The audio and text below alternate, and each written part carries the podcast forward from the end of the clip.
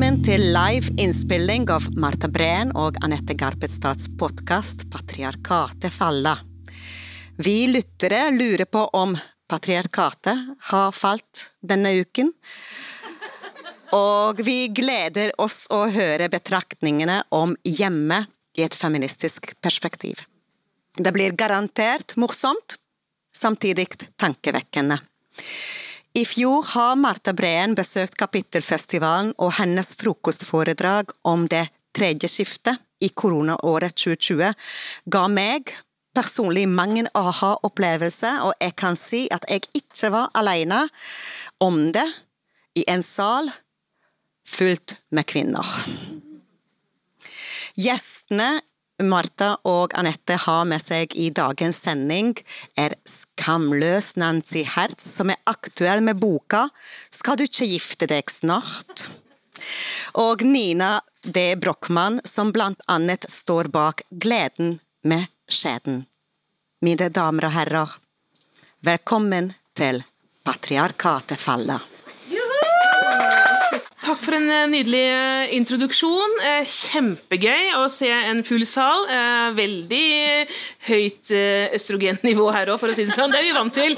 Ja, men det var jo sånn På Lillehammer også, så hadde vi da tre menn i salen, hvorav én var lydtekniker, så vi kjører med samme modell denne gangen. Det er Velkommen skal alle være. Ja. Det er uh, helt topp, og vi har jo, som dere har hørt, uh, med oss gjester. Det er andre gang vi har gjester i livepoden, uh, og det er ikke hvem som helst. Det er Nancy og Nina som vi gleder oss veldig til å snakke om dette temaet med i dag. Men vi tenkte før vi slipper til dere, så er det jo altså vi, Vanligvis så bestemmer jo vi fullt og helt hva temaet skal være på poden. Ja. Eh, og det spriker jo i alle retninger, som dere vet. hvis dere hører på oss. Fra klitoris til livmora til eh, Altså, det er ikke så bredt, da. ja, det er mye klitoris, mye livmor, også, men det er også en del historie, og det er en del eh, dagsaktuelle temaer, og det er litt diverse. Men ja, nå er det et eh, tema. Ja, og det temaet fikk vi da av festivalen. Det er hjem, og så tenkte jeg at vi skulle begynne alle sammen her da med å vi tenkte på, Hva var det første du tenkte på, Anette, når du fikk beskjed om at temaet for sendingen skal være hjem i et feministisk perspektiv? For da kommer det masse assosiasjoner. Det er et kjempebredt ord, egentlig. Mm. Hva tenkte du på? Altså, umiddelbart Når jeg hører hjem, så tenker jeg på huset vårt på Indre Helgeland. Det er egentlig det. Selv om jeg ikke der hvor har Der hvor jeg bodde de første tre årene av mitt liv. Mm. Men i et feministisk perspektiv, så i forlengelsen av det bestemor. Ja. ja. Fordi hun var feminist? Nei, Nei. absolutt ikke. Så det er kanskje akkurat derfor. Men hva med deg? Hva er det første du tenker? Jeg tenker jo umiddelbart på Aristoteles, selvfølgelig. Gjør alltid det. Nei, men altså, I feministisk historisk perspektiv så er jo hjem og frigjøring motsetninger, egentlig. Historisk sett så har hjemmet vært kvinnens naturlige habitat. Det har jo på en måte alle eh, kirkefedre og vitenskapsmenn og filosofer hevdet, at eh, det er der en anstendig kvinne skal eh, holde seg og oppdras til å, være. Og så er det de kvinnene da som jeg har skrevet om i noen av mine bøker, det er jo de som har vært de første til å bryte ut i offentligheten. Og med de omkostningene det, det har hatt. da. Fordi offentligheten var et sted for menn. Eh, kvinner som gikk ut eh, og snakka offentlig, ble jo, altså Ordet 'offen' kom jo liksom av å være ikke privat, å være åpen for alle. Det var rett og slett En offentlig kvinne på 1800-tallet ble jo sett på som en prostituert. Mm. Altså Du mista all ære. Så ja, jeg tenker jo så, så, trist som det. Og så tenkte jeg det er jo litt synd liksom, hvis hjemmet bare skal være et kvinnefengsel. Ja. Vi må løfte det litt, eh, litt mer i andre retninger, og da tenkte vi at vi kunne da begynne kanskje med deg, Nancy, fordi det er jo også noe du skriver om i boka di, eh, og disse kulturelle forventningene om at hjemmet skal være stedet lykken eh, skal søkes. da. Mm.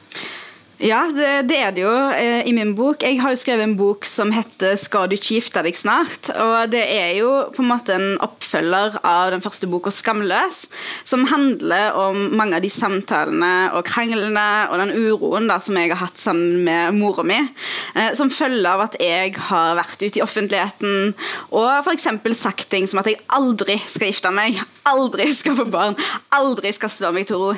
Så må det jo sies at nå bor jeg med samboer og to boliger bonusbarn i en tomannsbolig og kjøre SUV, så det gikk ikke så bra. Eh, men den kampen da mellom å gå ut og si at dette vil jeg ikke være med på, eh, og så prøve å finne ut av det på dine egne premisser, det syns jeg er veldig aktuelt å snakke om her i dag. Mm. Men dette med når du sier altså, du, du, sa det til moren din, da, ikke i offentligheten med det der at du aldri skal få kjæreste, eller har du, har du sagt det i offentligheten nå? Ja, det har jeg. Ja. Og så sa jeg det òg til kjæresten min. Det var det første jeg sa til han da jeg møtte han.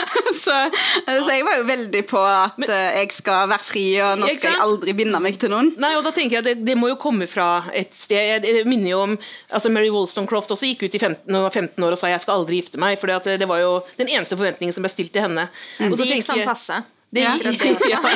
ja, det er noen historiske, historiske linjer å trekke her. Men så tenker jeg at, eh, eh, fordi at eh, jeg som kommer fra et annet, en annen oppvekst, da, hadde ikke den behovet, kanskje. Men det, det kommer jo fra at det var det som var forventningen som ble stilt til deg. Mm. Mm. Ja, og da jeg var 16 eh, cirka, så ble jeg faktisk forlova. Fordi jeg tenkte at hvis jeg gifta meg, så kommer jeg til å være fri fra foreldrene mine sitt grep. Jeg tenkte at eh, jeg eh, ikke ville at mamma og pappa skulle ha kontroll over livet mitt. Og så tenkte jeg at jeg ville kline uten å være redd for å brenne i helvete. Mm. for det var noe som jeg eh, trodde kom til å skje. Eh, og gikk jo rundt med en veldig sånn stor uro og skamfølelse. Så jeg ble forlova med min andre kjæreste fordi det var det jeg trodde var riktig, og var veldig sånn på nipp det er veldig nær å faktisk bli via religiøst eh, da jeg, eh, rett før jeg begynte på videregående. Og det er jo helt sykt å tenke på nå. Eh, og det er jo pga. det kulturelle presset. Og så har jeg jo da gått ut og tatt veldig sånn offentlig standpunkt både ute i disse forsamlingene, men òg hjemme. Men jeg tror at det å leve livet sitt i opposisjon, og det å ta eh, valg som bare er basert på en motreaksjon, og som er basert på at man ikke skal ta de valgene andre vil at du skal ta, det er jo ikke frihet, det heller. Eh, og det har jo vært veldig viktig for meg da, å prøve å finne ut av de tingene på mine premisser og på den måten som jeg syns er riktig. Eh, for hvis jeg ender opp med å være kjæresteløs og alene og kanskje, Og det er helt greit hvis det er bare det man vil, trass, liksom. men ja, hvis jeg gjør det bare på trass, så er det jo ikke en frihet i det heller. Nei, det er litt sørgelig, ass. Bare sånn 'Nå kan jeg ha det så godt', det er jo bare jeg det går ut i det. Ja, ja. Eh, og, og, da er det kanskje viktigere å snakke om å omskape eh, disse begrepene, omskape ideen om å liksom, hva et forhold kan være. da. Mm. Uh, og der har jeg vært veldig heldig, uten å bli for inderlig. Nå, jeg snakker veldig mye om samboeren min, jeg har skrevet mye om han òg, men uten å bli for inderlig, da, så, uh, så går det an, det òg. Mm. Men hva tenker du da, Nina, du som sitter i en litt annen posisjon? Eh, ja. Småbarnsmor, nygift? Nygift, ja. ja. Ikke nykjærestet, hva kaller man det? Jeg, har vært sammen i 14 år da, og har to, hadde to barn. barn før dere gifta dere? Ja, ja, det er en annen, vei. ja, det var, vi levde i synden ja, lenge. Meg, men, men, nei, altså helt ærlig, det første jeg tenkte når, når jeg hørte temaet, det var å, å gud, eh, eh, si noe smart om hjemmet og feminisme. Liksom, hvordan kan vi vinkle dette inn på sex? det, er det. Det, skal vi nok klare. Eh, og, eh, og, det er det jeg kan. Um, underliv. Uh, og jeg tenkte ja ja, ok, men vi, man har mye sex hjemme. så vi får nok det til. Uh, så det var det ene jeg tenkte. Og det andre jeg tenkte, det var uh, Tårnfrid dukket opp hos meg. Mm. og det er nok også fordi jeg vel ofte har følt meg litt som Tårnfrid. Og det er jo altså bare sånn, for eh, jeg ser at jeg, I den salen her så tror jeg mange her fått, fikk med seg Tårnfrid, men av lytterne våre som er litt yngre, så er det ikke alle som husker denne Otto Jespersen-figuren. Nei. Ja, som det, var, uh, dro med seg en, en, en, en sønn, sønn på ja. fire og fem-seks år. Ja, eller seks, med, eller noe sånt. Hun, eller noe sånt, Hun husket ikke helt. Nei. Med sykkelhjelm, for at han ikke skulle skade seg. Mm. Mens hun gjerne bar ham som en sånn, uh, sånn koffert. Ja, som en koffert. Nei, jeg har definitivt uh, følt meg sånn mange ganger. Men du har ikke låst barna dine inne i en sånn safety-boks nede på Oslo S? nei, det har jeg ikke. Nei. men, det... men, men de har blitt passet på av diverse mennesker som jeg har møtt i 30 sekunder før de har fått overlevert en eller annen baby eller et eller annet og sagt at eh, bleier ligger der, og ja. Mm. Så, men denne tårnfri-figuren altså jeg, jeg, har irritert meg så innmari. Jeg syns, jo den var veldig morsom når det, når det på 90-tallet, når han dukka opp, for det var en morsom karakter. Men eh, i ettertid, liksom, når man ser at veldig veldig mange portrettintervjuer med kvinner, kvinner, som har en eller annen posisjon, så kommer den figuren fram. Da spør liksom journalisten ja, du er ikke litt sånn tårnfri, da? Nudge, nudge, ha-ha. Mm. Eh, og så må, må, man liksom velge en sånn strategi. Sånn, enten sånn jo, jo, jeg er jo litt sånn, eh, ser litt dum ut der jeg går med mobilen og ungen, liksom. Eh, eller så må du si nei, eh, altså, nei, nei jeg, barna kommer først. Man må alltid liksom ta en eller annen posisjon i forhold til Men du til, slipper i hvert fall å være en enkel gutt fra landet, da. Ja, det er den andre, det er den andre varianten, sånn stereotypen. Ja. Mm. Men liksom, disse stereotypene sant, som vi må forholde oss til, og så må man ta, velge hvordan skal jeg forholde meg til, til det bildet av en karrieremor. Ja. Uh, ja, nei, jeg, jeg synes at det har vært Men jeg, jeg, prøver å gjøre begge deler. Da. Så nå har jeg begynt å brodere. Uh, uh, så jeg broderer alle ullgenserne til barna som har møllhull. Eh, broderer jeg nå hvor, hvor, hvor, kommer møllen fra? Uh, nei, det er ikke møll. Det, faktisk, det kalles Frogner-biler. Oh, ja, det er på Frogner, ja. Uh, det er ikke på Frogner, de lever ja. overalt i Oslo. Um, sikkert uh, på østkanten òg. Aldri hørt om. men i hvert fall Nei, så nå har jeg begynt å brodere, og jeg lager også det, Jeg lager all mat ja. hjemme hos oss. Jeg er også jeg, jeg, Ja, det, det tredje skiftet, det, det er noe som taler til meg. Ja, altså, det er det eneste vi krangler om hjemme. Ja, Det der tredje skiftet det har jo vært mye snakk om de siste par åra. Mm. Eh, vi hørte om det innledningsvis her fordi at det kom opp som et, Det kom jo fra akademia, egentlig, det begrepet. Det var noen som hadde forska på dette. at for Gjennom de siste 40 årene man har snakka eh, mye om eh, fordeling av husarbeid i hjemmene, så har man jo snakka om at man har liksom altså Første skifte det er jo i lønnsarbeidet. Og det andre skiftet er husarbeidet. Og så har man tenkt at så lenge man eh, at den, dette, deler det på midten. En eller annen ting, ja. fordeling her, så går det greit. Men så har man liksom glemt at det, dette husarbeidet har en eh, sjef. Mm. Det har, administrasjonsminister, som jeg liker å kalle det hjemme hos oss. Ja. Mm, og det er meg. Ja. ja. Det, og det er ikke uvanlig. At mm. kvinner tar ansvaret for eh, at det skal eh, skje. Eh, og det er ikke bare husarbeidet, det handler jo om eh, liksom, å huske på hvilken størrelse uh, ungene har i klær. Mm. Det er, kan jo kvinner ofte. ikke sant? Uh, hvilk, hvem bursdag, altså bursdager, gaver mm. Fritidsaktiviteter. Ja, lage jul, rett og slett. Dugnader. At det faktisk er hyggelig at vinduene er vaska og at det står en amaryllis på bordet når det er jul. Det er sånne småting som uh, for at det liksom skal flyte. Og den jobben tar etter forskningen, altså forskning, Forskerne har funnet ut at det er nesten utelukkende kvinner som tar det ansvaret, og det kjenner dere dere igjen i? eller? Ja, ja, ja. Nei, definitivt. Uh, altså, nå skal jeg ikke henge ut min mann, uh, uh, fordi jeg føler virkelig at han har han, Vi er veldig liksom, Vi har kommet langt på første andre skift. da. Mm. Jeg har fått lov til å realisere meg selv, som det heter for oss kvinner. Um, menn snakker liksom ikke om at det å få jobb er å realisere nei, seg selv. Nei. Men jeg har gjort det, da, og vi, jeg føler vi har delt liksom, husarbeidet ganske likt. Men, men uh, men det, vi jobber med det tredje skiftet. Mm. Og jeg, av og til så prøver jeg å liksom trekke meg tilbake. Vi har av og til avtalt at jeg skal trekke meg tilbake. Så for eksempel så har jeg tidvis um, latt han få ta ansvar for gaver, for mm. Men det går jo helt til helvete. uh, så, da blir det liksom en, en ja. rangle til en ni år gammel niese, liksom. Nei, nei, nei, det blir ikke gaver! Det blir ikke gaver, det er akkurat det. Hvor vi har stått der, og så er jeg sånn Ja, du har vel husket gave? Det er din venn. Ja. Og så er jeg sånn Nei. Det har jeg ikke. og så må vi liksom Så må jeg stå der i skammen over at vi ikke har noe gave. Og, så må jeg, og jeg får så lyst til å si til alle Jeg sier det også, da, til alle vi møter. Det, det, han fikk ansvar for den gaven. Eh, og jeg sier det til brudeparet. Men, men, det er alltid sånn. Eh, og barnebursdager også. Nå er, Vår sønn kommer ikke med gaver i barnebursdag. Og det er fordi Er det på tide kanskje å gi han en annen oppgave? har du ja. noe annet å delegere? Ja? Eh, nei, ja, det, ja nei, det, det, er det jeg har delegert. Da, det er det eneste jeg føler er liksom så lite viktig at jeg kan delegere. Kan leve med at det ikke blir gjort. Men du er jo veldig lur, for det er jo så synlig. En ting er at det er lite ja. viktig, men det er jo så utrolig synlig ja. når man møter opp uten gave. Så ja, det er utrolig pinlig. Da er du klar over å skamme han i Nei, litt, men det er det jeg syns er så fascinerende. da eh, Og eh, rundt dette med tredje skiftet, det handler jo ikke bare om gaver.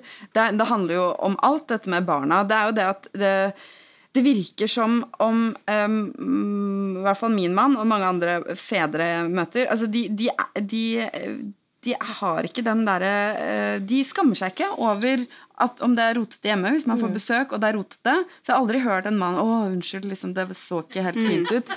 Uh, eller, eller uh, at de blir liksom flaue hvis barna møter opp uten gave i bursdag, eller, uh, eller, ikke, eller de, de, ser jo ikke at ungene har fett hår engang. Ja. det er, så, ja. Eller, Hvor lenge er det siden unge har dusja? Det er det liksom vi, vi som må oppdage. Ja, ja så, og, og der, der, føler jeg liksom at jeg, jeg, kan liksom prøve å la det skli, men da, da går jeg med en intens skamfølelse. Mm. og det gjør ikke mannen min. Um, og det er jo sånn, sånn jeg, jeg, jeg, var på radioen i stad på NRK Rogaland oppe, oppi her. Eh, og snakka om det tredje skiftet. Eh, det var en kvinne og en mannlig programleder, og hun var jo veldig enig i det jeg sa, og han skjønte ikke helt eh, virka, virka som han, Men han sier jo da liksom at ja, men hva er det du mener at mennene er jo blitt veldig flinke? Er de ikke blitt veldig flinke til å holde på hjemme da? Hjelpe liksom til altså, Både hun og jeg bare altså, Hva er det du sier, liksom? Altså, det er, liksom det, det er, de snakker om det som om at vi er flinke til å hjelpe dere. Mm. Og det er liksom det som er hele poenget. Vi har ikke lyst på den sjefsjobben. Mm. Vi vil ikke være sjefen som skal bestemme for noen som sier at ja, men jeg gjør det jo med en gang du ber om det. jeg vil ikke be om det. Mm. og hvor liksom, de kan gå over Det er jo dette trappesystemet også, som alle kvinner forstår. ikke sant? Hvis du bor i en, eh, har to etasjer, så vet du at hvis det ligger noe i trappen, så, så skal du jo opp! Ja. Og motsatt. Men da, yes, vet du, jeg skjønner ikke de bare skritter over! Ja, I går jeg sa dette til, Vi har masse trapper, vi har tre etasjer. Og jeg sa det til mannen min sånn, men Det ligger fem esker midt i trappa. Hvor skal, ja, men jeg vet ikke om de skal opp eller ned. det, du kjenner det igjen, selv om ikke dere er barnefamilie ennå? Så er det Eller gjør du har jo, Jeg har jo to bonusbarn som ja, ja. er hos oss mye. Og jeg må få lov til å si kanskje at det både er en sånn generasjonsting, fordi ja. jeg er den som går forbi ting i trappa. Ja. og så bare venter jeg på at samboeren Du kunne vært dattera vår, du. men òg Vi er jo en såkalt moderne familie, da, med at jeg har liksom kommet inn i hans konstellasjon. Og det har jo ikke vært naturlig da at jeg skal ha hovedansvar for verken mm. uh, hva skostørrelse de bruker, eller om noen har fett hår. Så jeg føler jo at alt jeg gjør, da er en bonus. Mm. Og det er jo kanskje fordelen da med å få lov til å være bonusmamma. Mm. Uh, det syns jeg er veldig, veldig stas, mm. og, og er utrolig glad i det. Og så er det ikke gitt for meg da at jeg nødvendigvis vil ha egne barn, for da, det åpner jo et helt sånn eksistensielt et lokk, liksom, av mange, mange spørsmål. Så jeg, jeg, tror at kanskje det har vært med å løse noen av de mm. utfordringene. Men det var morsomt du nevnte dugnad, for jeg har jo da kjøpt meg inn hos han og vært veldig sånn nøye på det. og mm. eh, Jeg eh, liker jo å planlegge, så jeg er sånn som har den private økonomien vår i et Excel-ark. Og har liksom alt eh, veldig liksom på stell. Og så møtte jeg opp, da insisterte jeg på å være med på garasjedugnad. Og det er jo noe annet enn å ha dugnad i grenda. Det er liksom et eget garasjelag. Og da sto naboen der, og så var det en litt eldre kar som hadde bodd i grenda vår i veldig veldig mange år. Så sto de der og bare jeg tror dette er første gang det er en kvinne her. Oi, nei, uh, nei, jo forresten for sånn ti år siden så var mammaen til han ene som bodde der. Hun var med på garasjelag. Og så, og så tok det litt tid før denne mannen stakkars forsto at sånn Skal du være med å male? Ja. Uh, men, er du kledd til det? Jeg bare, ja, ja, det går bra. Ja, men du kommer til å bli skitten. det var jo, det var, det var jo et veldig fascinerende eh, opplegg. Ja. Eh, men der har det jo vært viktig for meg da å på en måte ta den at mm. nei, jeg skal være med. Jeg eier like mye, da skal jeg faktisk stille opp. da. Mm. Men eh, det er ikke alltid med de tingene som står i trappa. Og det er ikke jeg som bærer veden. Jeg vil heller fryse enn å bære en ved ofte. Ja, men det, er jo, dette, det, det, var jo veldig kjønnsstereotypt i dette garasjelaget. da. Og, ja. og, men, men, det er nok helt typisk, og jeg tenker at det kan gå andre veien nå, at mm. menn kan få ganske ganske mange rare blikk hvis de møter opp eh, på at ja, men det pleier jo bare å være kvinner som steker stikker vafler her. Altså, sånn at det er jo på en måte vi, Dette blir reprodusert i, i, Selv om vi på en måte prater om det litt på en annen måte, så klarer man allikevel å, å antyde at noen er på feil sted eller gjør uh, feil ting. Og det handler jo også om det der med at uh, du får Eh, jeg har alltid fått høre veldig mye at mannen min er så flink. da. Han er så mm. flink med ungene, og masse, man, man, viderebringer denne skryten til han. Det er ingen som har sagt at jeg er flink, og jeg er der minst like mye. Du er veldig flink med bil. Ja, ja, jeg kan kjøre bil, i hvert fall. det kan ikke han. Men, uh, men uh, utover det Nei, men altså, ikke sant, det der, den, den, typen ting at vi, vi må nok også eh, selv uh, bevisste feminister mm. bidrar til å reprodusere dette her med måten man snakker på. Og jeg kan ta meg selv i å gjøre det også med, overfor døtrene mine. Mm. Liksom, så, så det, er, det, det, tar veldig lang tid før liksom vi ja, og det tror jeg også er akkurat Det leser jeg i, i din bok, Nancy. Det er liksom med hvordan din mor forholder seg til sin mor. Mm. Og så tar de samme tingene videre til deg. Så er det jo også hvordan vi eh, kvinner viderefører de patriarkalske reglene, og det er jo vi som legger på oss at vi skal skamme oss for ditt og datt. For det har jo vi sikkert plukket opp fra våre både mødre og bestemødre. Mm. At man skal ha ting på stell, og man skal ha med en gave når man kommer i bryllup. Ja, man skal ha jul, og det skal Men igjen så er det jo klart at det er jo det ansvaret de har tatt på seg og sørga for, da. Ja. Mm. Uten at de nødvendigvis da hadde en fulltidsjobb mens de gjorde det. Mm. Så mm. Ja, ja men uh, det synes jeg, uh, Dette er jo noe som jeg har tenkt uh, mye på nå i sommer, og blant annet lest Linn Stalsberg, som har mm. skrevet 'Er jeg fri nå?' Ja. om tidsklemma i, i Norge. da. og noe av det som jeg satt igjen med, var den der tanken om at ok, ja, men hvis folk av alle kjønn da jobber, og alle to personer i en parkonstellasjon er, er ute og jobber, så er det jo ikke sånn at husarbeidet forsvinner. Og man har jo på, i, på mange måter da mista husmoren uh, og husmorrollen. Uh, uten at husarbeidet og det som uh, på en måte var, var hennes rolle, da, har forsvunnet i det hele tatt. Og da ender man jo opp med bare masse folk som er overarbeida, og som mm. krangler om hvem er det som skal kjøpe gave. Så jeg tror jo at sånn, for verden sin del så burde vi alle bare jobbe mindre. Seks timer! Ja, og det er så ja. viktig. Ja. og det er jo både for vår egen egen del og for at vi skal ha det bra, for klima. Det er så mange gode argumenter ja, ja, ja. for å bare jobbe mindre, ta vare på de nære tingene og, og føle at uh, man ja, uh, har tid og og, og innrømme at vi har bare 24 timer i døgnet, og vi skal helst sove litt òg. Ja. Så det er jo Og 168 timer Vi skal ha litt sex! Ja. ja. ja. altså, det, gjemmer man jo også få plass til i denne tidsklemma. Ja. Uh, og det er jo ditt felt. Du har jo gitt ut Jeg må nesten si det. Denne, altså, Utrolig smooth overgang. Ja. Altså, eh, 'Gleden ved skjeden' er jo en internasjonal bestselger. Den har sikkert alle hørt om her. Eh, men så kom dere jo med jenteboka eh, som handler om jenters pubertet for noen år siden. Og så har dere nettopp kommet med gutteboka, mm. eh, som har fått eh, veldig bra mottakelse. Terningkast seks i VG og det hele. Gratulerer. Tusen takk. Og eh, det synes jeg var så jeg, jeg, har, ikke lest den ennå, men jeg har sett disse postene dere legger ut i sosiale medier på den og sånne ting.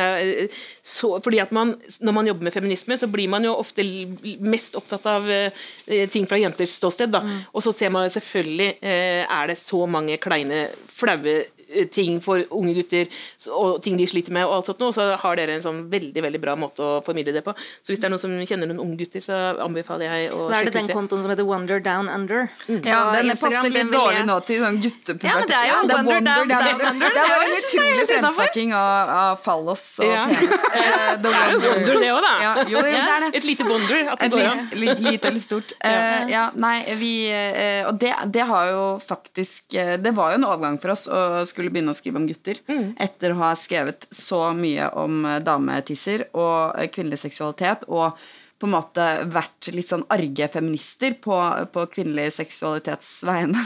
Og takk eh, for det! Ja, jo, jo men det har vært virkelig nødvendig. Men mm. på et eller annet tidspunkt så, kom, så, ble vi nesten litt lei av den samtalen vi hadde også. For det ble litt sånn Vi kommer jo ikke videre. Mm. Eh, nå har vi snakka om dette, det er liksom syv år siden vi begynte å skrive gleden med skjeden. Og jeg føler at det fortsatt er uh, det man sier er Nå må vi snakke mer om dette. Mm. Altså, jeg, sånn, jeg gjør ikke annet! Søren heller. Altså, jeg skal ikke banne. Jeg har ikke gjort det annet. Liksom, nå har jeg gått i syv år og snakka om klitoris. Eh, eh, det, altså, vi, nå, nå, må vi gjøre noe annet enn å bare si eh, 'la oss snakke om det'. Ja. Eh, fordi det, det tar ikke samtalen videre. Så, så, for oss så ble det derre å snakke med gutta, det ble liksom det eh, som ble det viktige. Eh, mm. fordi så mange av de tingene eh, Og ikke fordi vi ikke bryr oss om guttene, eh, eller, eh, men for å løfte kvinner også, da, så er det jo viktig å få med gutta på laget. Mm. Fordi vi kommer liksom altså sånn, Det er lett her å sitte og, og, og bæsje Ikke bæsje Altså på engelsk the bæsj. Ja, okay, ja, sånn, ja.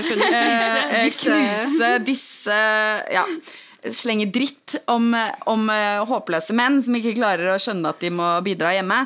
Uh, men samtidig så, så kommer vi oss ikke videre hvis ikke vi også klarer å få med gutta inn i disse samtalene fra eh, starten av. Mm. Og det, eh, hvis eh, seksualitet er en av mange områder, men eh, hvor dette må, må, løftes da, for gutta. fordi hvis ikke guttene vet hvordan man respekterer eh, folks grenser, sine egne og andres, Eh, hvordan skal vi da forvente at eh, voldtektsraten går ned, hvis ikke det er noe vi begynner å snakke med om i ung alder? Uh, hvordan skal vi forvente at kvinner får uh, flere orgasmer i senga, hvis ikke vi snakker om nytelse og klitoris og eh, gjensidig respekterende seksualitet fra de er 10-11 år og før de blir tatt av pornoen? Ikke sant? Mm, mm. Så, så, for meg så er det blitt mer og mer åpenbart at liksom, hvis vi skal komme videre, så er det gutta vi må snakke med. Um, veldig enig, Nancy. Ja, jeg vil jo eh, støtte den og si at for gutter og menn så er det jo utrolig trange eh, kjønnsroller. Mm. Eh, og bare det å være en eh, En ting er jo at vi sitter her og kan, eh, som du sa, eh, si at menn må ta seg sammen, men det er jo veldig mange menn som gjør veldig veldig mye bra. Mm. og så snakker vi om de da som kanskje ikke helt ja, det er morsomt å le av de, ja. liksom. Ja, så, er det, så er vi jo, burde man jo selvfølgelig men, men, så er det skummelt også å drive og si at de andre er flinke, da. Ja, for man, det er jo bare det vi forventer. At man ja, men ikke sant. Og så er det jo noe med at eh, når man da sier at uh, Nei, disse gutta er dårlige eller disse gutta er flinke, så setter vi jo standarden ganske lavt. Mm. Og så tar vi det for gitt at standarden er liksom der nede, og så er alle andre som gjør noe bra, bedre, eller alle de som gjør noe dårlig, langt unna.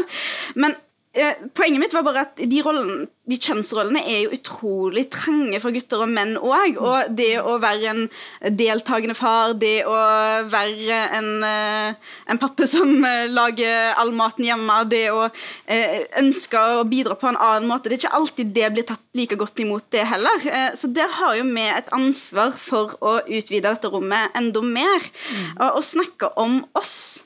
Eh, heller enn å liksom sette opp disse her oss og de, og, mm. og sånn er vi, og sånn er de. Og kanskje eh, bruke et språk da, som ikke setter standarden så lavt at liksom, alt som er positivt, er sånn wow, nå er det denne kampen uh, vunnet. Mm. Um, så, så, det tror jeg eh, ja, kanskje er en vei videre, da. Mm. Ja. Mm. Så det er én ting jeg, eh, jeg, jeg, vet ikke Det var sånn jeg nesten ikke orket å skulle snakke om det, for jeg vet ikke helt hva jeg egentlig mener om det. Men, men det er dette her med eh, mammaperm. Mm. Eh, som jeg merker at jeg, jeg har litt problemer med. Eh, fordi jeg føler at mange eh, feminister i dag, eh, og unge kvinner sånn som meg, som har fått barn nylig og sånn, at det har blitt en slags sånn ny fanesak, feministisk fanesak, det der at man skal liksom få lov til å eie um, uh, Eie barseltiden og få liksom eie morsrollen. Um, og jeg syns at det er vanskelig å akseptere det liksom fullt ut, fordi da stenger man jo ute pappa. Mm. Eh, og, og, og, jeg liksom vi, Mannen min hadde et tre måneder pappaperm med vår, vårt første barn. Så det er jo ikke noe sånn det var, Jeg tror han, jeg tvang han til å ta én uke mer enn det som var obligatorisk. Bare fordi det var så Symbolverdien. Symbolverdien. Mm. Du skal ha én uke mer. Så det er ikke det at vi var noen uh, fantastiske uh, um, Men liksom det der med at hvis, hvis vi skal hvis vi liksom skal gå tilbake på det der, mm. eh, og, og, liksom få, ta fra pappapermen, gutta pappapermen, mm. hvordan skal vi da forvente at det skal endre seg noe på hjemmebane? Ja, jeg, jeg, vi kan ikke få i pose og sekk, liksom. Nei, jeg er veldig enig. Jeg har jo da, altså, jeg skriver litt om, om dette her i, i en Født feministboka mi, for der, da var det en sånn bølge med litt sånn hjemmekjærhet, mm. og det kom, veldig, kom mange bøker ut fra eh, den, vår generasjon kvinner som uh, mente at nå har det gått for langt, uh, fordi at uh, vi får jo ikke lov å være mødre lenger. Og, Veldig sånn 50-tallsestetikk og ja. cupcakebaking. Ja, det, det var jo, det, ja, jeg sausa sammen alt i en bok, da. Det var jo litt forskjellige retninger her. Men det ene var jo, blant, var jo disse som altså Det er jo mange eh, også i 70-tallsfeministgruppa. F.eks. Tore Skard har jo snakka veldig mye om dette her. Og jeg forstår veldig godt hvor det kommer fra. Hvis du har kjempa fram eh, en eh, lang eh, permisjonstid for mødre, og mødre, mange, trenger mye tid til å komme seg tilbake til hektene, det er ingen tvil om det, og at man har, man har fått en, et gode, og så ser de på at dette gode, de, de, ser på det som et gode som forsvinner. Mm. De ser på det som at nå, når, når, man begynner å snakke om tredeling og at menn skal få mer, og sånn, så tenker man at nå, ta, nå skal mennene få noe som vi har kjempa eh, mm. til oss. Eh, og så, Jeg forstår hvordan noen ser på det sånn, og folk har jo veldig forskjellige jobber. ikke sant, hvis, du har, hvis du er lege og har en mm. spennende jobb å gå tilbake til, så er det noe helt annet enn om du har en slitsom jobb uten en stol å sitte på liksom, hvor du skal fyke rundt. Så så er det kanskje ikke så fristende å Legejobb er veldig slitsomt. jeg bare tenker, det er spennende, men det er avslappende. Liksom. Det er overhodet ikke tilrettelagt. Jeg trodde du bare satt på rumpa! Nei, nei, nei, nei. Det er jo den grusomste jobben å gå tilbake til som uh, ammende mor. Det skal jeg fortelle. Nei, det, er, men det er jo også i hele den casen der som jeg syns også blir litt borte i den debatten, det er jo det der å anerkjenne for noen fantastiske løsninger vi har i Norge. Da. Mm, mm. Så jeg syns man mister helt perspektivet på at uansett om man deler det sånn eller sånn, og vi har mm. veldig stor grad av fleksibilitet, ja. eh, så er det faktisk en helt fantastisk løsning vi har i Norge. Det er verdens beste løsning. Eh, ja, det er også Finland og Sverige ja. som har de beste løsningene. Og, og, og det, det, det, det, var det som jeg liksom kritiserte med den mm. bølgen som kom, fordi de ropte som varsku at det her vi sitter eh, liksom og, og, må levere fra oss eh, vi, til, til, menn som ikke klarer å ta vare på og det var sånn, Mens puppene blør ja, kan, vi er slaver og sånn. Det var så mye sånn voldsom ordbruk, og da tenkte jeg hallo! Eh, vi har et fantastisk fleksibelt, godt system. Det var det ene. Og det mm. andre, det med fedre. Fordi at eh, en ting, altså For noen så kanskje de føler at de mister noe ved, måtte, ved at far skal ha mer perm. da. Mm. Men de, veldig veldig mange av oss føler jo det motsatte. Mm. Vi føler at vi får masse frihet ved at han tar eh, den delen av ansvaret. Når jeg skulle få nummer to, så sa jeg jeg får ikke en unge til hvis ikke du tar minst halve permen. og det samme gjorde ikke. jeg. Akkurat samme. Jeg orker ikke gjøre dette her en gang til, og så sitte inne i det huset eh, stengt eh, inne med en baby i et år. Jeg orker ikke. Jeg gjorde det motsatt. Men, eh, ja. men, men jeg, jeg, opplever også at, at, hvis ikke du har prøvd det, så, så, har du heller ikke kjent på den friheten man kan få da, av at far blir sjefen. Mm. Altså, jeg synes det var Det var selvfølgelig litt sårt og litt uh, vondt. Eh, men, men eh, etter en stund så var det også veldig deilig å bare anerkjenne at vet du hva, jeg klarer ikke å legge barna mine. Eh, det er mannen min som gjør det. Ja. Så det er sånn, Mannen min er leggemester. Han legger alltid. Og sånn, det er han som kan rutinene. Fordi jeg var borte borte den fasen hvor det var noen endringer i soverutiner. sånn, Så han hadde stålkontroll. og var sånn, nei, nei, bare vent, altså, La mm. barna og liksom mat og hadde matpakker. Og det var, det var så på stell. da. Mm. Eh, og ja, da ble jeg litt sånn håpløs uh, mamma, men, men det er, er litt deilig å være det, altså. Ja. Ja. Ja, jeg, jeg, jeg, måtte lage matpakke en gang, for at mannen min var borte. Og så fikk jeg klagebrev fra mine unger. Offisielle klagebrev med at alt var feil. liksom. Det skal ikke være brunost, på den skal være delt i to.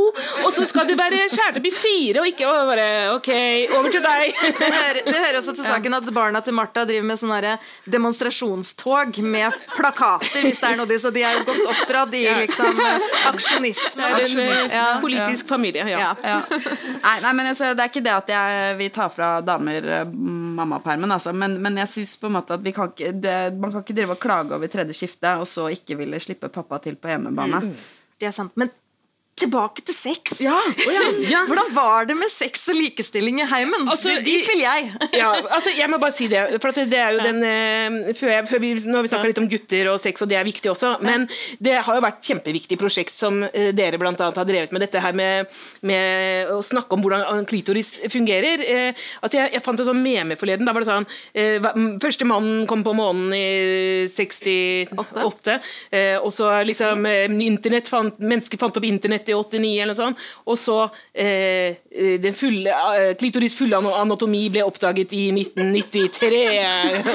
av en Senere, ja. 2005 ja. ble eh, fullstendig Fullstendig, ja. Ikke sant? Så det er et nybrottarbeid. Ja. Vi var på scenen samtidig for eh, jeg vet ikke om du husker det, for flere år siden så var det et sånn kvinnearrangement.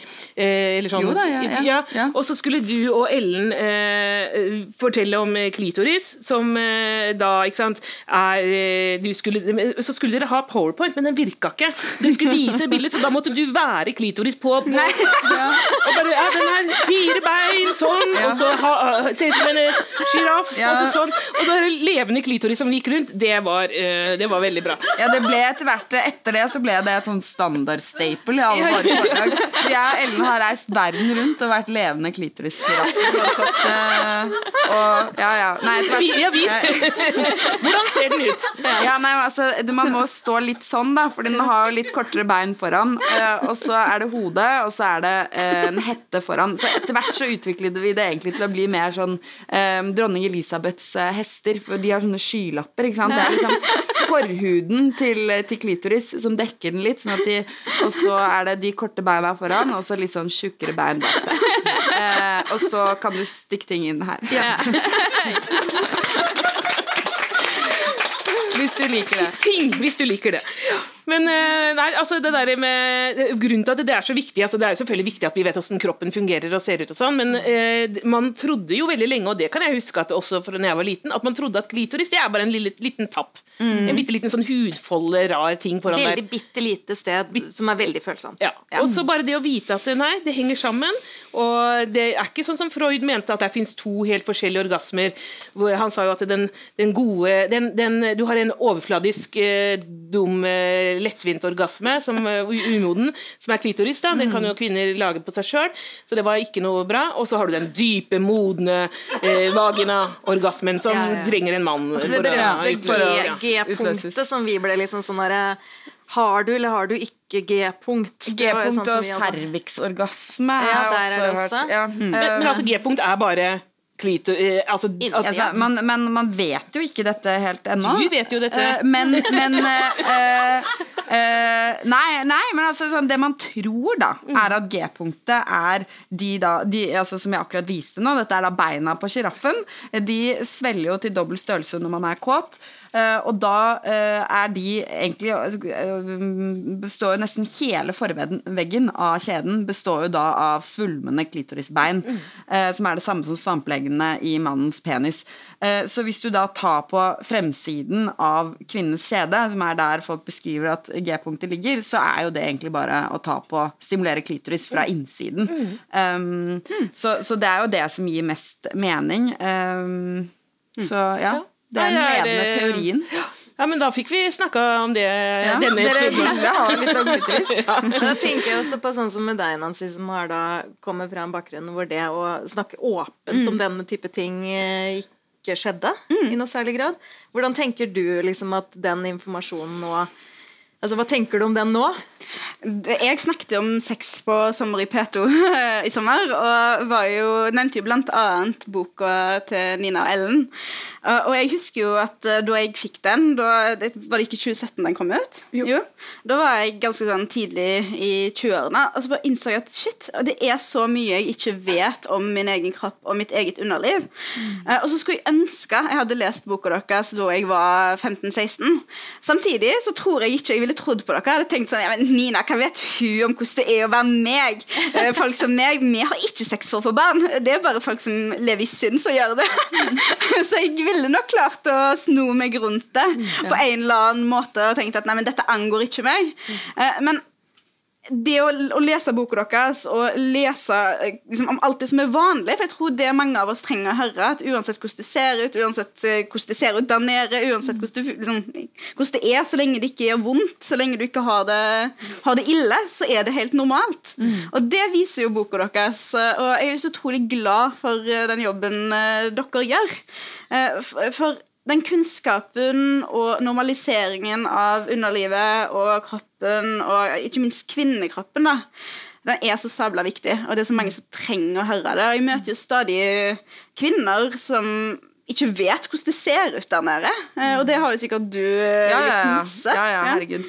Men, eh, men, for oss, altså sånn Hvis man skal uh, trekke dette opp mot mm. det prosjektet du har hatt uh, i stor grad, da, det siste med seksualitet mm. og og, og minoritetskvinner, mm. så, så, er jo Det var jo jomfruhinna som mm. liksom var det som virkelig mm. tente engasjementet i, uh, hos Ellen og meg. Uh, og det er jo Altså, vi elsker også klitoris, og det er veldig gøy å snakke om klitoris, men er det noe som virkelig gjør meg rasende, mm. så er det, så er det jomfruhinna og, mm. og Myten de om mytene om jomfruhinna og de konsekvensene som, som, um, som, Og dette kan jo selvfølgelig kobles til hjemmet, fordi det mm. handler om nettopp det å skulle bli gift, og at uh, i veldig mange kulturer fortsatt så er, så er det å gifte seg og det Eh, å bli gitt bort til en mann og få lage mm. sitt eget hjem, det er den eneste måten å få frihet på også, for det er den eneste måten du kommer deg ut fra ditt eget hus og primærhjemmet, primær ditt. Um,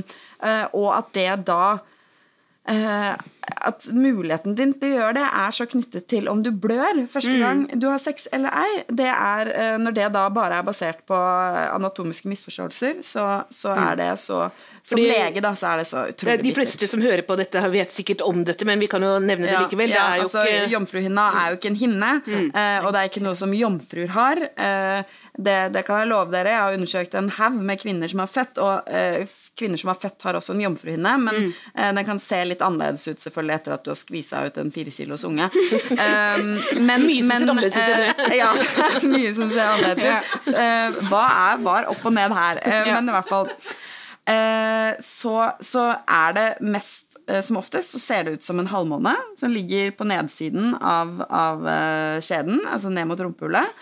Uh, og det kan hos noen så kan den ha liksom, deler som krysser, sånn at det ser litt mer ut som en Ø.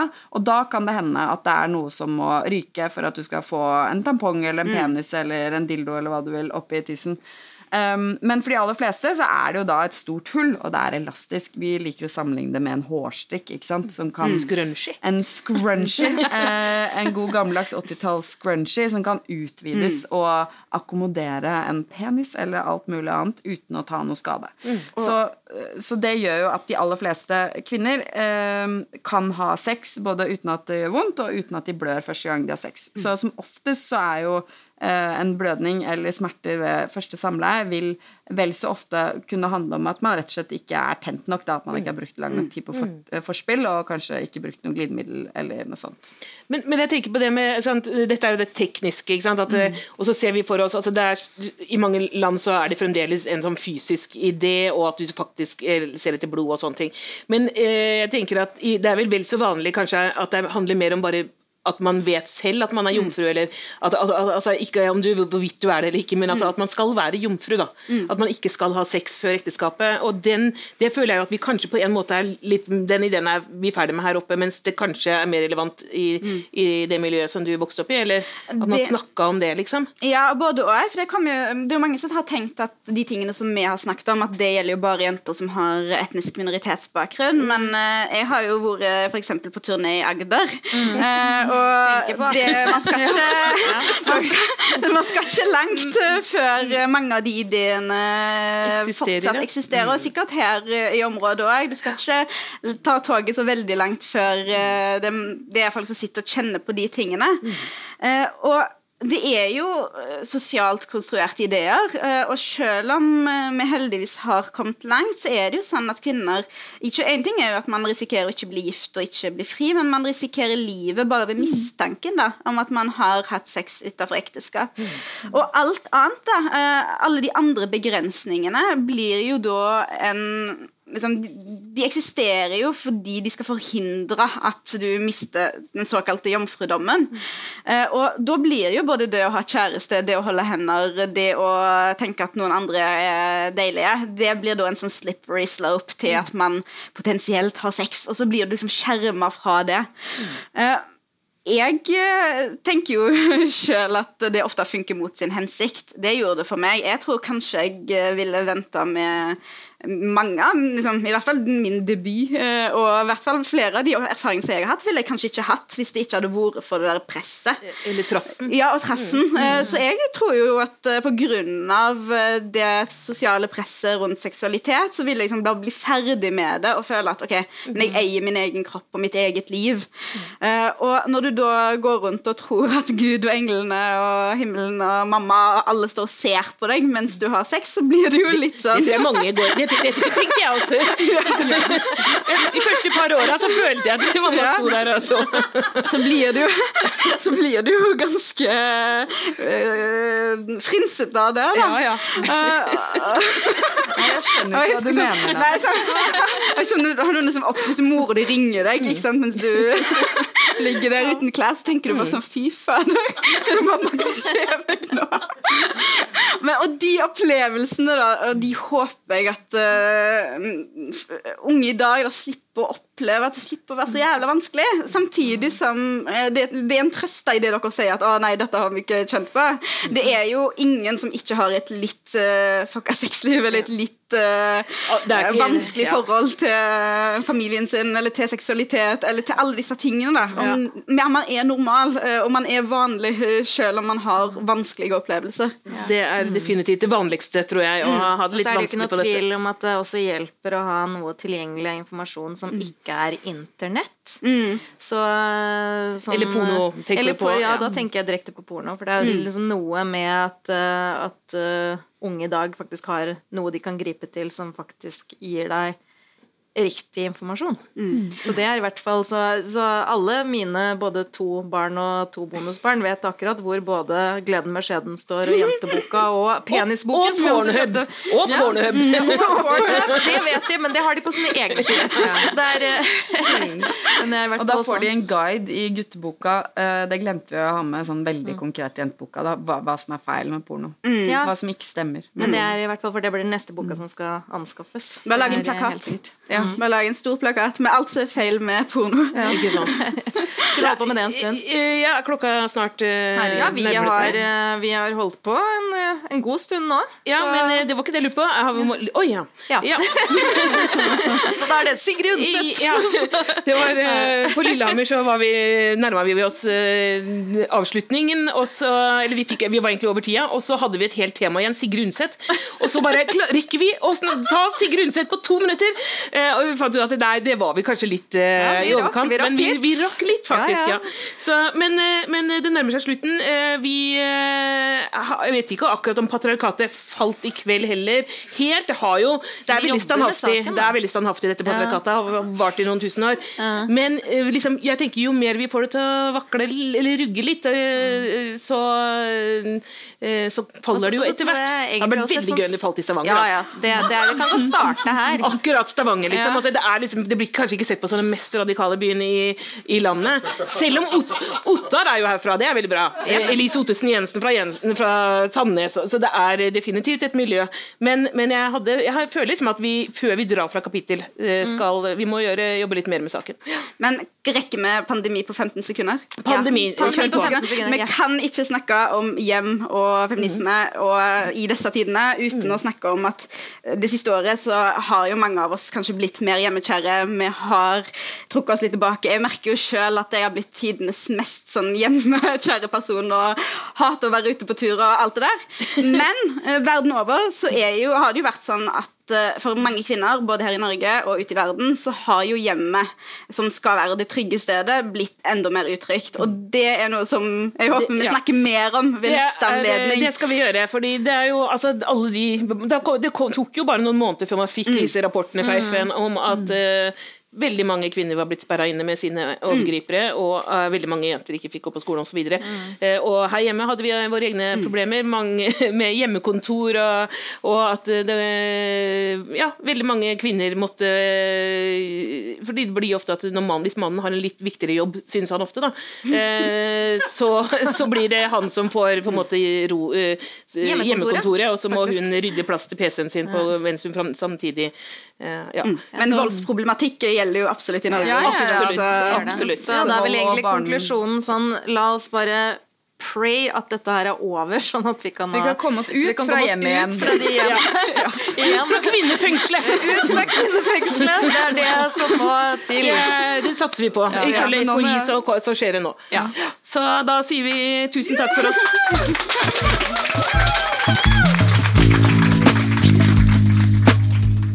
Podkasten 'Patriarkatet faller' av og med Marta Breen og Anette Garpestad, utgitt av Agenda Magasin. Ansvarlig for lydteknikk og musikk er Margarita Krimici. Du finner Patriarkatet faller på Facebook, Instagram og Twitter. Og du kan sende oss en e-post på patriarkatefaller at gmail.com.